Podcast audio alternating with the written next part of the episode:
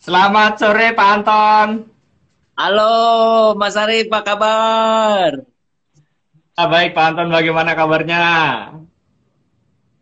Selalu baik. Ini udah bener belum? Masih muter-muter nggak? Uh, suaranya udah kedengeran, tapi mukanya belum muncul nih. Wajah gantengnya Pak Anton belum ya. kelihatan. Ah, bentar, bentar, bentar, bentar.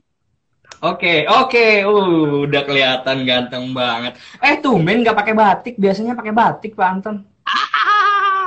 Oke, okay, Pak Anton. Ya. Uh, tadi ya. saya di awal sudah kasih tahu juga ke uh, netizen nih, teman-teman yang nonton kita live sore hari ini. Sambil kita menyapa beberapa teman yang sudah ikutan bergabung ya Pak Anton ya. Nanti kalau misalnya teman-teman ya. mau nanya langsung sama Pak Anton juga boleh ya. Kita mau bahas tentang bagaimana sih jalan-jalan yang aman di masa uh, adaptasi kebiasaan baru ya. Kalau kemarin uh, pemerintah menyebutnya dengan istilah new normal, kemudian diubah jadi eh, masa adaptasi kebiasaan baru begitu ya Pak Anton. Boleh ya kita sharing nanti uh, di live IG langsung di kolom komentar aja ya kalau yang mau nanya langsung sama Pak Anton mau ngasih komentar juga boleh. Oke. Saya mau menyapa dulu ya Pak Anton ya yang sudah ikut bergabung. Ada Dias Senja dari Semarang. Halo Dias. Kemudian ada Lili TX Sukabumi. Wah, ini uh, grupnya Pak Anton nih dari TX Sukabumi nih. Ada Ibu Lili ya. Ada Hashim, ada Kopit Kopit, Yeni Tony juga, Yaser Narawi, halo, Linda Muren, terus ya, ada Antonius juga, oke, ada Johan, Sanjaya, ada Jufri Bambang, wah banyak. Oke, sambil kita mulai ngobrol ya Pak Anton. Ya. Oke, ngomong-ngomong nih Pak hey. Anton, Pak Anton kan uh, bisnis travel tuh sudah dari tahun 90-an ya Pak Anton. Pasti sudah ngerasain yang namanya uh, pasang surutnya bisnis travel. Kemudian ngerasain juga berbagai macam peristiwa di tanah air maupun juga peristiwa di luar negeri yang uh, akhirnya berdampak gitu ya ke bisnis travel. Tapi sebelum lebih jauh kita melangkah ke sana, mungkin bisa cerita sedikit dong Pak Anton, profilnya Pak Anton, kenapa uh, Pak Anton sampai disebut sebagai tukang jalan-jalan? Orang yang kerjanya kalau nggak ada pandemi ini bisa tiap hari, tiap minggu jalan-jalan terus. Kalau nggak keluar kota ya keluar negeri gitu Pak Anton. Awalnya tuh gimana sih Pak? Oke, saya mulainya dari kelas 2 SD diajak oh, sama papa okay. ke Jakarta Fair. Jadi saya dari Sukabumi. Sukabumi diajak ke Jakarta Fair. Dulu Jakarta Fair itu masih di Monas. Nah, ya. dari sana pulang ngobrol. Kan masih kelas 2 SD ya saya ketua kelas ngobrol. Eh kemarin saya diajak papa ke Jakarta Fair. Pernah ke Jakarta Fair? Belum belum. Pernah ke Jakarta? Sudah. Pernah ke Jakarta Fair? Belum. Pernah lihat Monas? Pernah. Pernah ke Monas? Nggak pernah. Wah pernah ke museum? Nggak pernah. Lewat museum? Pernah. Gitu ya. Nah dari situ mulai ada keinginan. Lalu uh, wali kelas mengatakan ya udah Anton ayo bikin kita bikin jalan-jalan ke Jakarta Fair. Nah ini cikal bakal yang membuat saya jatuh cinta dan membangun passion saya di bisnis jalan-jalan ini. Nah dari SD jalan-jalan uh, dari ke Jakarta, lalu ke Bandung, lalu ke Cirebon, lalu ke Semarang, lalu ke Jogja. Ini SD. SD itu sudah sampai ke Bali. Nah, SMP lebih gila lagi, pergi lebih jauh lagi, udah ke Sibolangit, ke Medan, lalu ke Lombok gitu ya. Nah, lalu setelah itu SMP saya bilang ke papa saya, saya nggak mau meneruskan sekolah ke uh, bagian yang lain. Papa saya pengen saya jadi seorang dokter. Saya bilang saya nggak mau, saya mau jadi mau jalan-jalan aja. Papa saya bilang kalau jalan-jalan itu pakai duit, jadi harus punya duit, harus harus jadi pebisnis, jangan jadi pekerja. Saya bilang ya saya nggak ngerti lah, pokoknya saya mau jalan-jalan saya memilih sekolah SMK di Jakarta, SMK pariwisata di Jakarta okay. ya di belakang Sarina dan dari situ adalah mulai karir saya. Saya lulus tahun 81, lalu kerja 10 tahun. Uh, 90 saya berhenti, 91 saya mendirikan perusahaan ini sampai hari ini. Oke. Okay. Nah itu kan berarti memang passionnya jalan-jalan tuh dari kecil sekali ya sudah sudah senang jalan-jalan bahkan ke, bikin kayak kalau semak kalau kayak sekarang tuh macam uh, semacam paket tour begitu Pak Anton ya. Betul betul betul bikin grup tour bikin grup tour. Grup tour oke. Okay. Nah uh, ini menarik nih. Uh, ini juga mungkin bisa jadi inspirasi buat teman-teman yang sekarang lagi nonton uh, kita ya ketika punya passion terhadap sesuatu, ketika punya keinginan terhadap sesuatu, kemudian itu diucapkan dan sinkron nih dengan uh, tindakan, akhirnya jadi ya. Mungkin ini juga buat teman-teman ini sedikit tips ya dari Pak Pak Anton Teddy ya bahwa uh, ketika kita menginginkan sesuatu, mencita-citakan sesuatu, apa yang kita ucapkan itu harus selaras dengan apa yang kita pikirkan dan juga uh, tindakan yang kita ambil. Begitu, Pak. Cocok, cocok Cucok.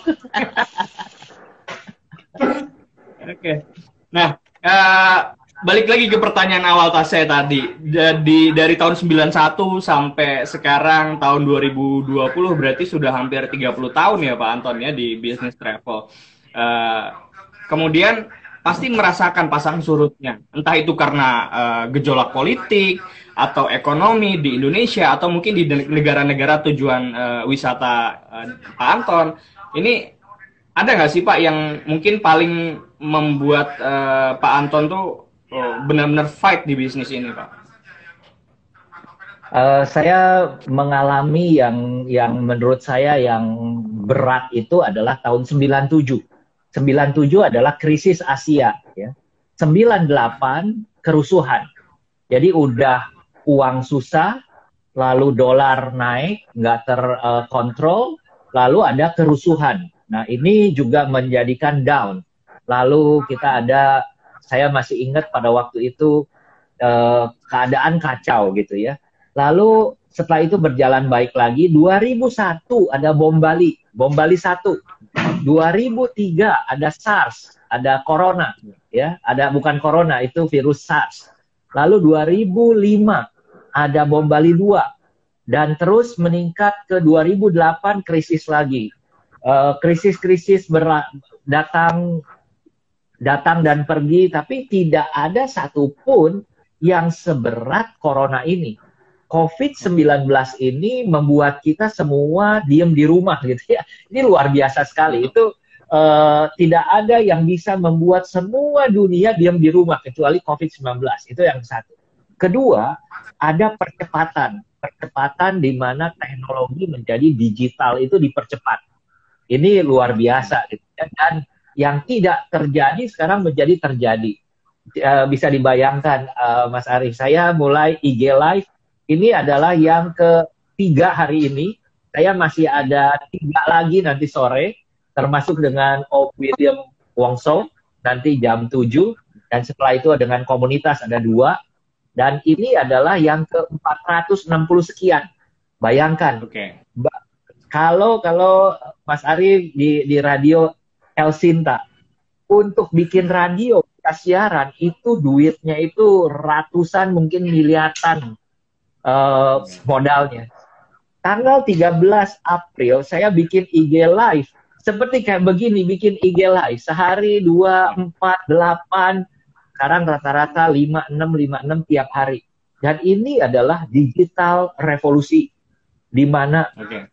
yang tadinya mahal menjadi murah lalu sekarang itu seakan-akan setiap orang yang punya Instagram punya uh, stasiun TV bisa siaran sendiri gitu kan itu terobosan yang luar biasa. Nah, kalau ditanya yang paling eh, kalau negatif kita udah tahu bahwa bisnisnya turun sekarang dengan corona. Tapi kalau kita bicara mengenai positifnya, positifnya apa? Dunia berjalan dengan lebih cepat. Digitalisasi, online press.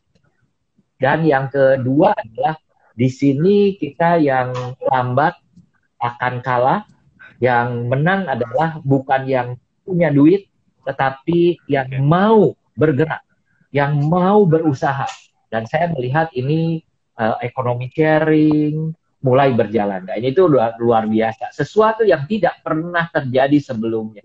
Travel ini lucu. Kalau lagi uh, tadi saya bilang ya krisis keuangan, kita itu panen. Kalau lagi krisis keuangan, apa panen? orang lagi pusing. Kalau orang lagi pusing, jalan-jalan. Nah, ya kan? Itu. Kedua, orang lagi lagi susah gitu ya. Uh, orang lagi rame, bisnisnya bagus, bisnisnya bagus. Jajan juga, beli-beli turnya gitu kan, jalan-jalan lagi. Jadi suka dan duka bisnis travel itu sebenarnya adalah bagus banget. Cuma kali ini begitu COVID bilang stay at home, udah selesai, give up, stay at home. Jadi gitu. travelingnya di media sosial aja ya Pak ya, browsing sana, browsing sini Pak. Tapi saya bersyukur uh, bagaimana saya uh, saya kenal Om William cukup lama, uh, say hi sering, uh, sapa-sapaan di sosmed, tetapi punya kesempatan hari ini nanti jam 7 untuk ngobrol. Sampai-sampai uh, orang itu bilang, wah ini nih dua suhu katanya. Satu suhu makanan kuliner satu suhu jalan-jalan mau ketemu katanya. Kebetulan iya, kita iya. udah botak the botak show gitu nah ini nggak mungkin terjadi kita sering ketemu Mas Arif paling kita say hi hi halo apa gitu ya tapi hari ini kita bisa berhadapan-hadapan bisa ngobrol Mas Arif di studio saya di rumah dan ini yang dengerin dari mana-mana ini luar biasa keren hmm. Oke. Okay. Pak Anton. Ya. Oke. Okay. Nah, uh, ini kan juga su uh, suatu hal yang baru. Uh, artinya ketika masyarakat punya keterbatasan uh, untuk bisa beraktivitas di luar rumah, apalagi ter terbatas untuk bisa traveling, entah itu keluar kota, kemudian juga keluar negeri, Kemudian uh, pemerintah buka um, uh, PSBB-nya dengan ada pelonggaran-pelonggaran, tapi tentu tetap menerapkan protokol kesehatan. Nah, kalau melihat uh, kondisi yang terkini ya saat ini, katakanlah hari ini gitu Pak, dengan kondisi ketika uh, pandemi baru saja terjadi begitu Pak, ada nggak sih Pak perbedaan yang sudah terlihat signifikan? Mungkin uh, bisnis travel sudah mulai bergerak lagi, uh, uh, sudah mulai ada geliat lagi begitu Pak?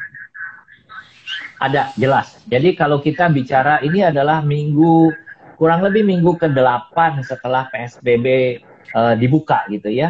Uh, di mana di, di bukan dibuka. Bandara dibuka. Jadi pada waktu PSBB bandara ditutup. Lalu mulai dibuka, dibuka, dibuka. Nah, pada waktu dibuka mungkin ini minggu ke-8 pada waktu 4 sampai 5 minggu pertama untuk traveling itu susah sekali. Satu, masih bingung harus rapid test atau PCR. Itu aja udah bikin susah. Kedua, rapid test cuma tiga hari. Jadi kalau misalnya berangkat hari Selasa, saya rapid test hari ini, hari Selasa ke bandara, begitu sampai ke bandara beli tiket itu hanya bisa di bandara, tidak bisa lewat travel agent. Apa yang terjadi? Tiketnya habis. Dapatnya hari Kamis. Hari Kamis berarti hari Rabu saya harus rapid test lagi. Begitu sampai saya terbang ke Surabaya, saya tinggal dua hari. Harus rapid test lagi pada waktu pulang, karena cuma berlaku tiga hari. Nah itu sangat-sangat mengganggu. Tetapi ini sudah minggu ketiga, minggu ketiga di mana semua peraturan itu rapid test itu menjadi eh, semua boleh rapid test sehingga kita lagi kampanye, kampanye terbang itu mudah satu rapid test ke mana-mana 14 hari gitu kan itu masuk akal menurut saya kedua beli tiket halo beli tiket uh, beli tiket ke travel travel ke teman-teman travel kalau teman-teman travel belum buka beli ke TX Travel karena TX Travel udah buka gitu ya. Makanya saya yeah. kasih supaya semangat di travel travel supaya buka gitu. Banyak yang belum buka. Yang ketiga adalah download aplikasi kesehatan. Udah sekarang itu as hmm. simple as that. Lalu kemarin minggu ini mulai SKIM di, di, uh, dicabut gitu kan. Jadi keluar masuk dari keluar masuk ke Jakarta udah nggak ada lagi surat izin keluar masuk SKIM-nya udah nggak ada lagi. Hmm. Di kemudahan-kemudahan sekarang mungkin sudah 80 persen uh, pesawat itu sudah jalan, sudah jalan, sudah terbang 80 persen. Oke. Okay.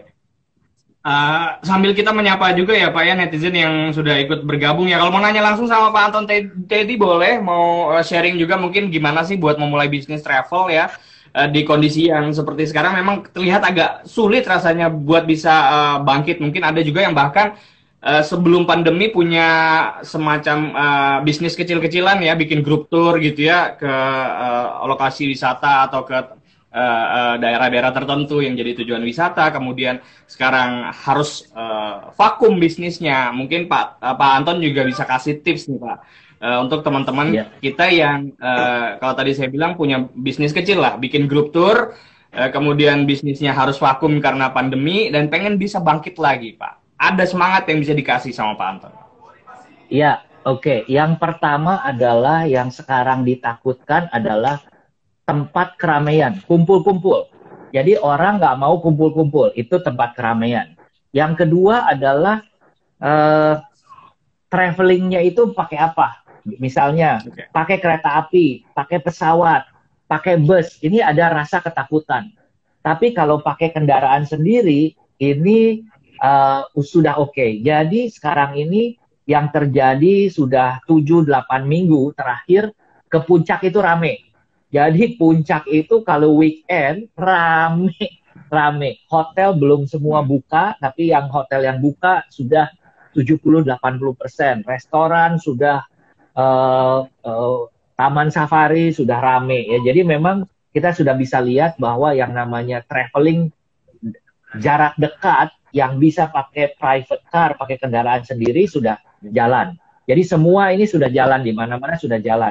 Uh, dari Jakarta pergi ke Puncak, pergi ke uh, Carita, pergi ke Bandung. Saya besok mau pergi ke Tanjung Lesung gitu ya.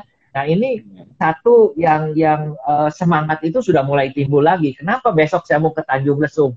Karena saya melihat bahwa ternyata Tanjung Lesung itu uh, sinyal teleponnya kuat sinyalnya 4G plus.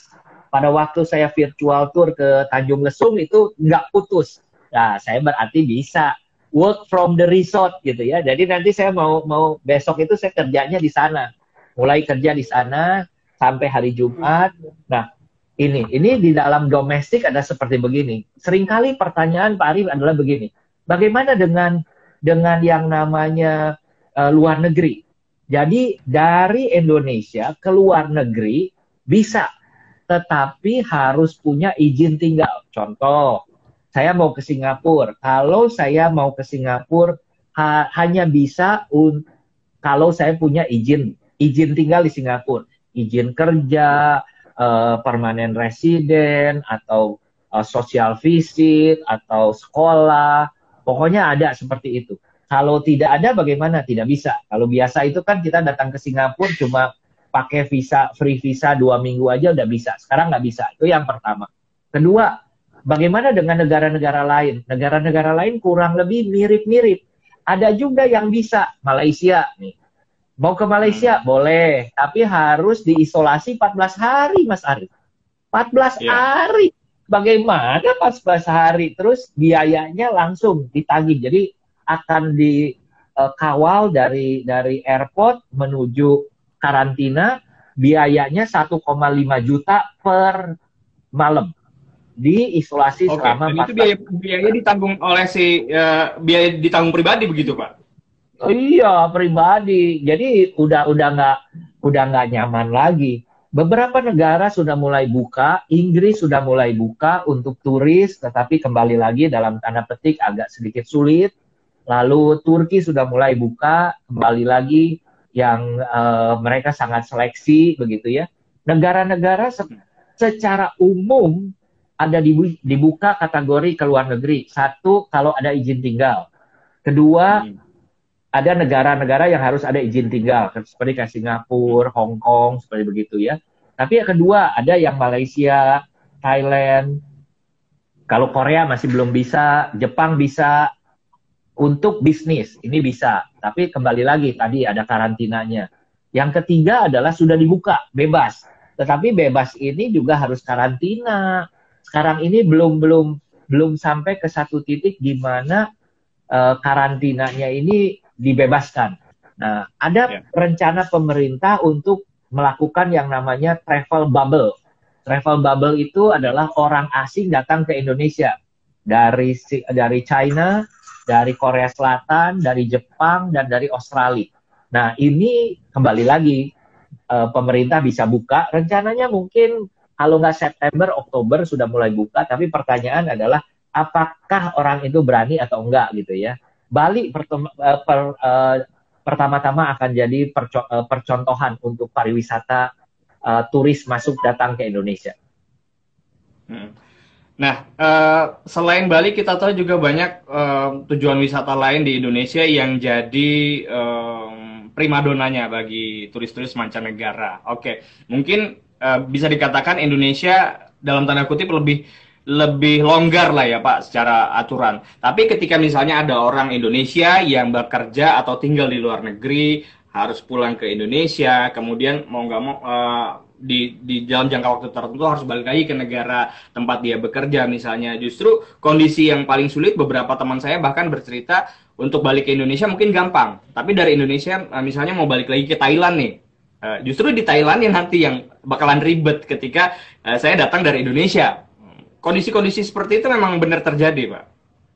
Betul. Jadi uh, sebagai contoh ya, dari Thailand uh, di PCR masuk ke Indonesia di PCR uh, masuk ke sorry di PCR di Thailand begitu sehat masuk ke Indonesia itu udah boleh pulang, tidak perlu karantina. Nah, lalu dari Indonesia mau ke mau ke Thailand. Dari Indonesia di PCR sampai ke Thailand di PCR lagi. Mereka tidak tidak tidak mereka tidak mau kecolongan jadi dua kali di PCR di, di Indonesia di PCR lalu berangkat ke di Thailandnya di PCR dan ada yang tiga hari, ada yang tujuh hari, ada yang empat belas hari di karantinanya. Ini yang membuat sebenarnya jadi jadi repot ya jadi uh, tidak nyaman lagi begitu. Ada orang yang mungkin niatnya mau travelingnya cuma satu minggu tapi karantinanya 14 hari lamaan karantinanya pak. nah ini ada yang tanya nih Bu Susanti. Iya. Uh, Pak Anton Boleh, Pak. mau tanya kalau Boleh, Pak Anton. ke luar negeri yang harus isolasi mandiri 14 hari itu harus untuk urusan bisnis, betul. Uh, kalau untuk urusan berobat bagaimana? Nah, ada dua negara yang untuk khusus untuk berobat. Satu adalah Malaysia. Jadi kalau kita mau ke Malaysia berobat, kita daftarnya untuk dapat visa berobat itu dari rumah sakit. Dari rumah sakit.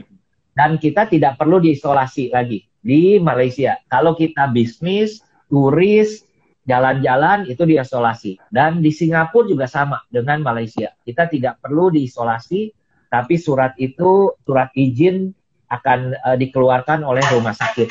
Begitu. Ya.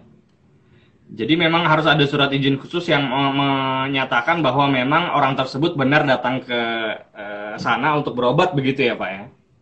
Iya, dan itu dikeluarkan suratnya dari rumah sakit, dari dokternya. Okay. Oke. Nah, kalau untuk tujuan misalnya uh, family visit, Pak, berarti kan mau nggak mau itu di karantinanya di memang uh, satu instalasi karantina khusus atau rumah karantina khusus atau boleh uh, atau isolasinya secara mandiri lah gitu. Tergantung. Uh, saya ambil contoh yang gampang ya. Kalau Singapura itu isolasinya boleh pilih di hotel. Okay. Tapi tidak boleh ketemu selama 14 hari tidak boleh keluar dari pintu hotel. Okay. Tamu keluarga tidak boleh datang. Itu satu. Tapi kalau di Malaysia itu karantinanya adalah di fasilitas karantina. Kayak kita di Wisma Atlet lah gitu. Oke. Okay. Ada Pak Widi Chandra nih uh, juga menyapa nih Pak Anton, sahabat lamanya Pak Anton nih katanya udah kangen jalan-jalan sama Pak Anton lagi Pak Widi. Apa ah. kabar? Kukong. udah lama, udah lama. Pak, ada uh, hal yang menarik yang menurut saya ada ada persepsi yang salah di masyarakat. Mumpung ini adalah uh, dengan radio gitu ya, dan hari ini kita live. Yang pertama adalah bahwa terbang itu uh, sudah mudah sekarang. Jadi dalam tiga minggu terakhir, jadi ini adalah uh, update yang terakhir dalam tiga minggu terakhir terjadi lonjakan yang cukup signifikan. Yang pertama adalah bahwa dari 5.000 menjadi kurang lebih 30.000 penumpang yang naik pesawat setiap hari. Ini signifikan. Dari 30 ribu sedang menuju menurut saya bisa ke 50 60 ribu. Jadi bisa double up lagi. Kenapa? Satu adalah bahwa terbang itu mudah. Cukup rapid test satu. Kedua, hmm. bisa beli di travel agent. Banyak sekali penumpang itu sudah di rapid pergi ke airport di airport nggak kebagian tiket pesawat. Nah ini kesian banget. Jadi pertama rapid dulu di rumah sakit, setelah rapid di rumah sakit, baru langsung ke bandar, uh, baru beli tiket. Setelah beli okay. tiket kan sekarang berlakunya 14 hari. Ini yang sering kali uh, kita terima puluhan telepon setiap hari hanya memperjelas seperti ini. Lalu juga surat izin keluar masuk Jakarta ini juga menjadikan apa ya hambatan gitu kan. E, peraturannya baru dicabut, tapi sudah dalam dua minggu, tiga minggu, jalan ke tiga minggu, e, surat izin keluar masuk pun sudah tidak dijaga lagi, gitu. Jadi terbang itu mudah. Let's travel again, gitu ya. E, okay. Kampanye dari dari dari Kemenkraf itu adalah kembali berwisata. Iya, terbang lagi. Ah, Oke. Okay. Nah, kalau ngelihat kesiapan eh, kesiapan eh, sarana dan juga prasarana wisata di Indonesia lah kita bicara ya di Indonesia Pak Anton untuk bisa menghadapi masa adaptasi kebiasaan baru untuk mengajak masyarakat untuk ayo berwisata lagi dengan aman gitu ya sesuai dengan protokol COVID ini bagaimana Pak? Sudah siap banget. Jadi saya kemarin virtual tour ke Morotai ya.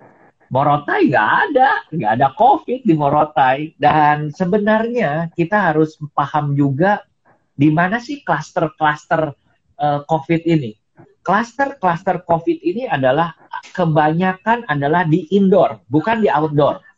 Jadi kalau namanya indoor, indoor itu tempat-tempat uh, mall bisa, uh, tempat meeting bisa, kantor bisa, restoran bisa, tempat ibadah bisa. Seperti kasusnya di Korea itu bisa sampai ratusan kena di satu tempat ibadah gitu ya. Nah, jadi kalau kita bicara mengenai uh, objek wisata, yang indoor itu apa? Museum.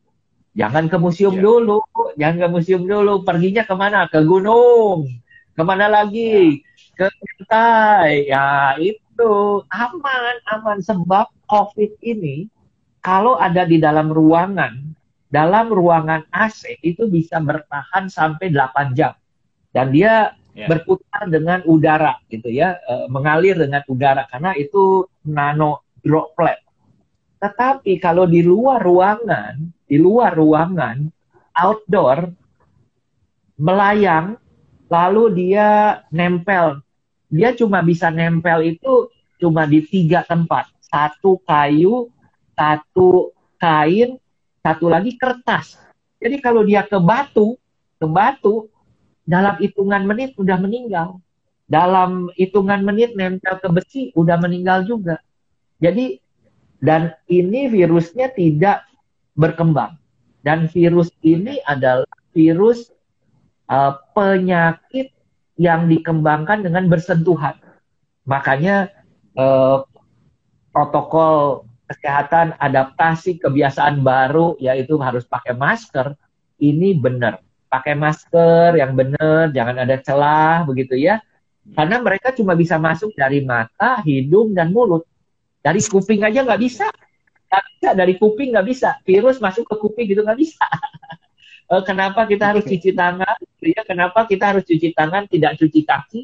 Karena kaki ini tidak hmm. pernah megang hidung. Ya tangan yang megang hidung pengen ngupil pengen gosok-gosok. Nah ini ini masalahnya. Tapi di luar itu oke. Okay. saya virtual tour ke Bali ke Banyuwangi ke Surabaya ke Malang ke Semarang Bandung uh, kemarin ke Tanjung uh, Lesung, besok saya mau survei gitu ya, karena menurut saya ini tempat-tempat yang kita bisa pergi dan aman. Bisa dibayangkan ya Mas Arief, udah berapa lama nggak keluar kaki itu gatel, kram, kram, kakinya udah kram. Biasa jalan-jalan ya Pak ya?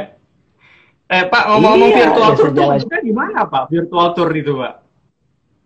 Jadi virtual tour itu adalah Mas Arif di tempat, saya di satu di satu tempat, saya jalan uh, okay. nge-shoot gitu ya, saya nge-shoot gitu. Dan yang menarik adalah kenapa saya tertarik dengan Tanjung Lesung. Selama Pak Widi GM dari Tanjung Lesung itu nge-shoot selama satu jam penuh, uh, koneksinya tidak putus karena ternyata di sana uh, operator daripada uh, apa namanya uh, operator handphonenya itu selulernya itu jalannya bagus banget. Dia sudah 4G plus gitu ya. Padahal ini di ujung loh. Di ujung barat ya di ujung barat. Jadi saya bilang kalau udah besok saya pergi deh ke sana pengen coba nanti liatin gitu ya. Uh,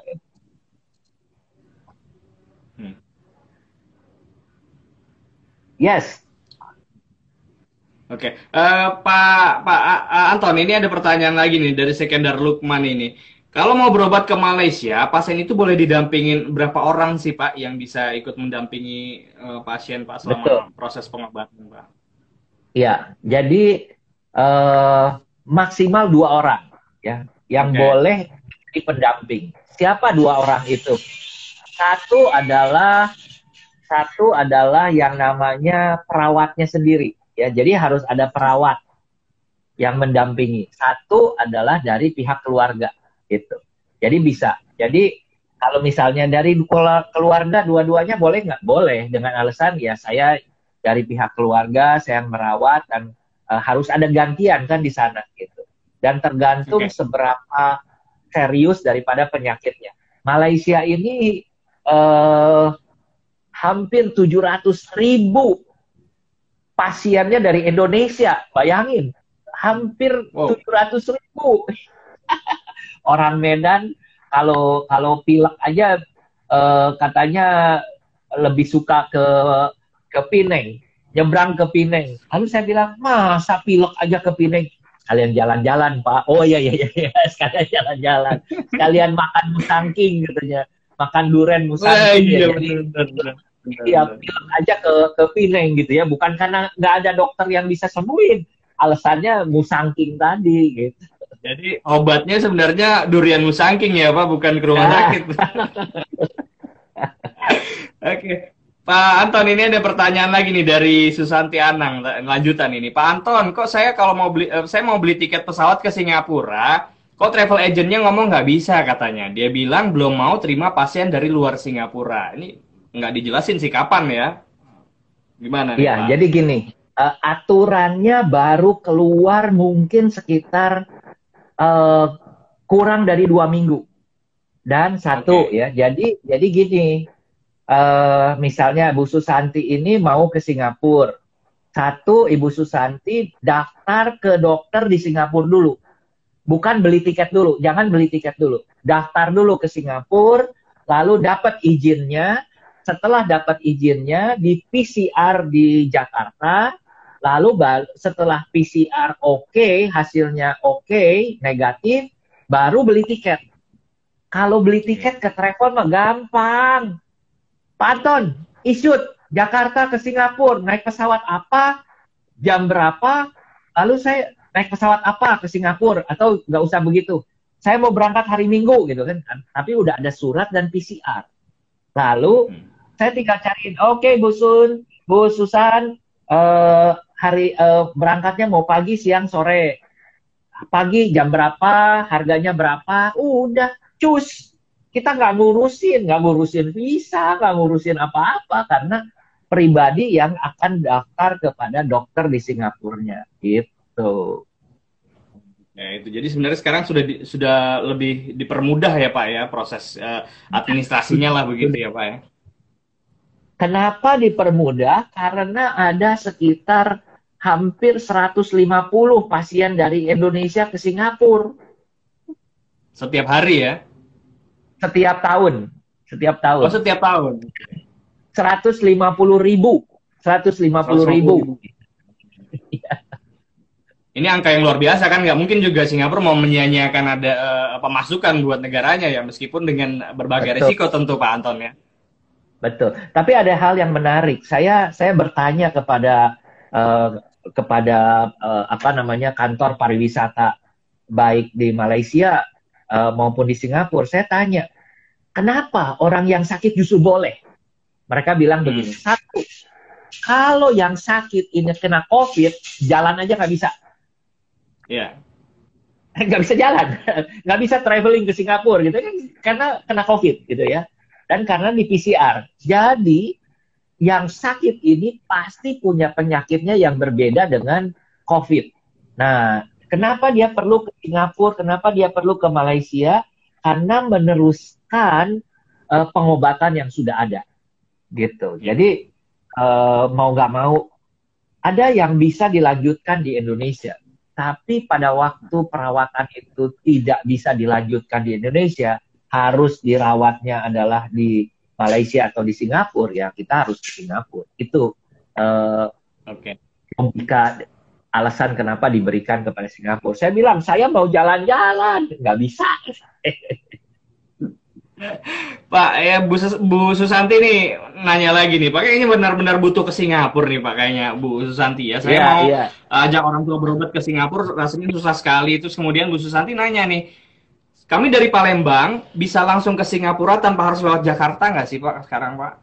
Bisa, bisa selama ada pesawatnya. Pertanyaannya ada pesawatnya nggak? Saya okay. saya pikir belum ada pesawat.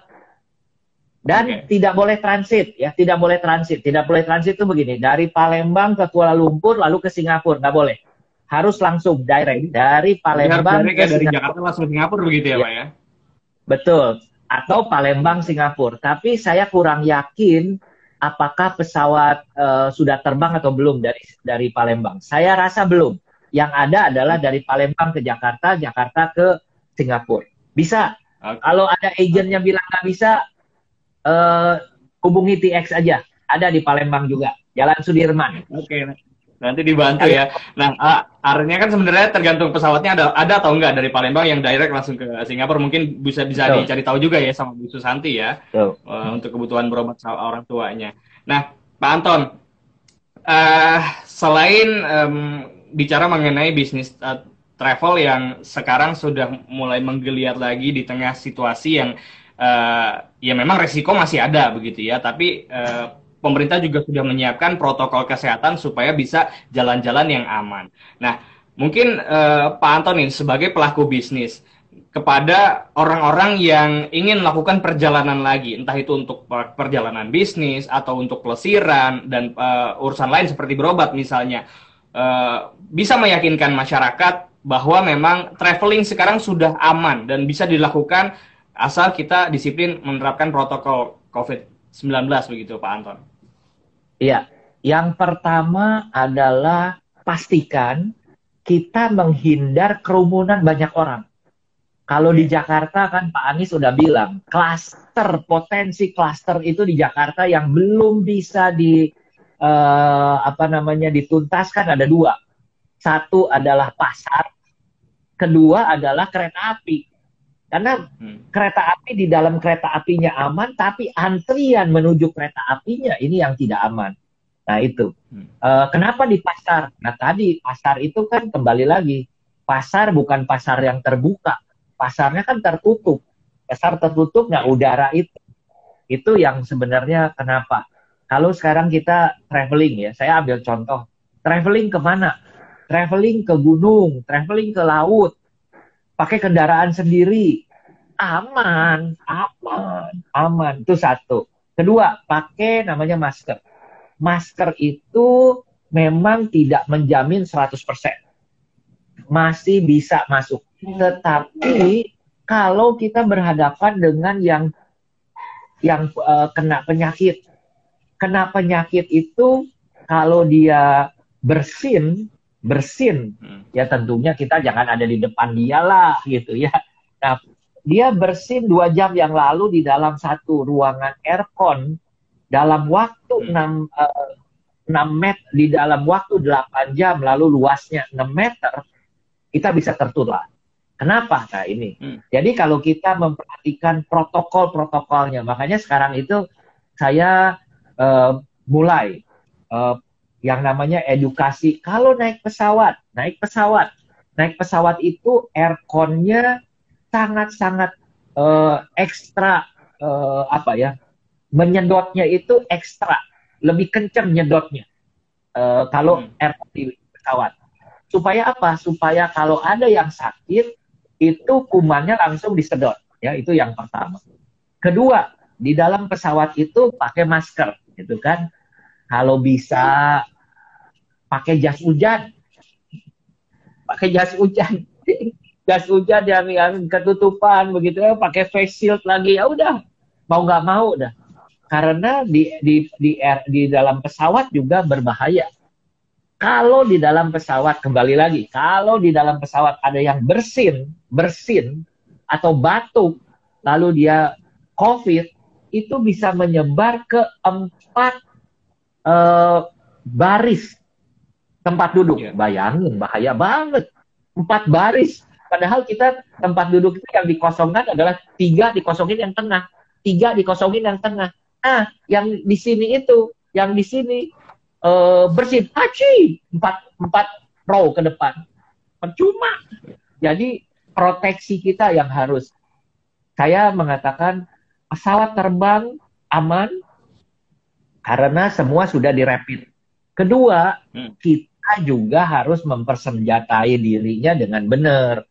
Pakai face shield kalau di pesawat. Kenapa? Face shield double dengan masker.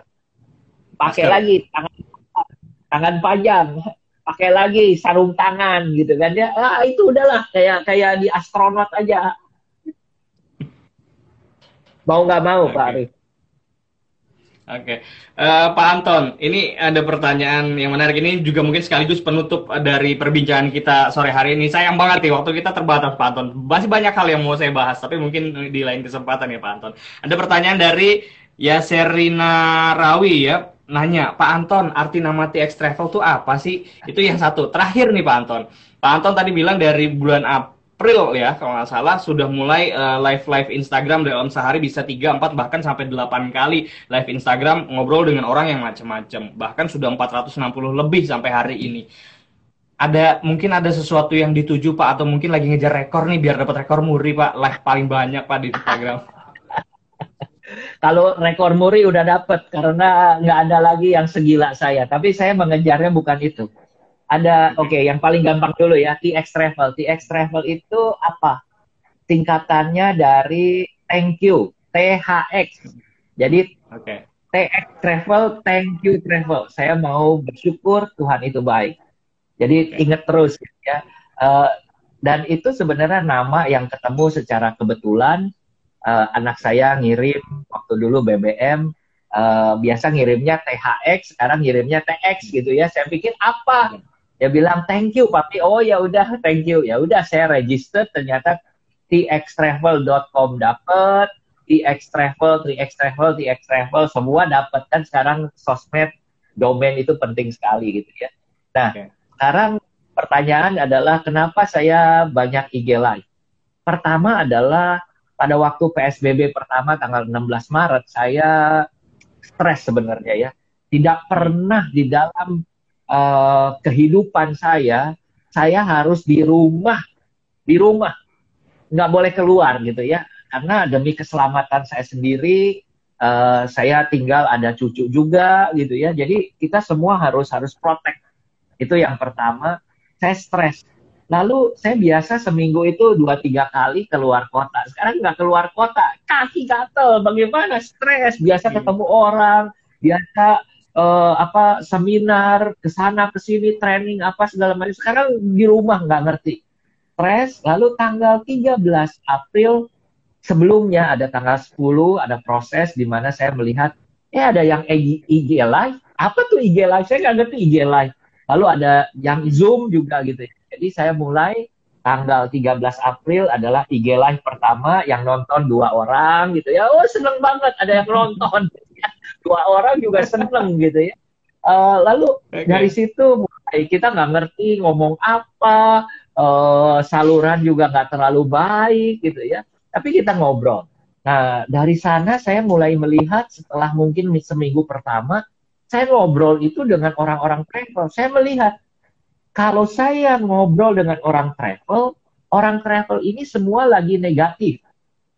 Yeah. Kenapa negatif? Karena bisnisnya nggak ada. Mereka mau cerita positif bagaimana? Karena nggak ada kok. Ya semua ceritanya pesawat nggak terbang, bisnis sepi, eh, kantor ditutup, gaji bagaimana, dan lain sebagainya. Akhirnya saya memutuskan untuk hanya bicara dengan orang travel itu 10% saja. 10% saya bicara dengan orang travel, 90% saya bicara dengan non-travel. Di situ mulai saya mendapatkan pencerahan. Ternyata uh, dunia itu bukan cuma bulat, tapi juga banyak variasinya. Banyak orang yang berhasil, banyak orang yang masih semangat, banyak orang yang masih uh, bisnisnya jalan. Lalu saya mulai melihat uh, travel ini gimana ya chance-nya. Nah sekarang saya mau berbagi rahasia. Mas Arief jangan bilang-bilang ya sebab ini rahasia nih. Rahasia iya, bisnis Pak. travel travel itu akan bangkit kembali. Travel will not die. Kenapa? Okay. Karena kita itu uh, sandang pangan papan kita sekarang begitu masuk di dalam COVID, yang pertama kali PSBB dibuka adalah pangan. Kita cari makan dulu. Yeah.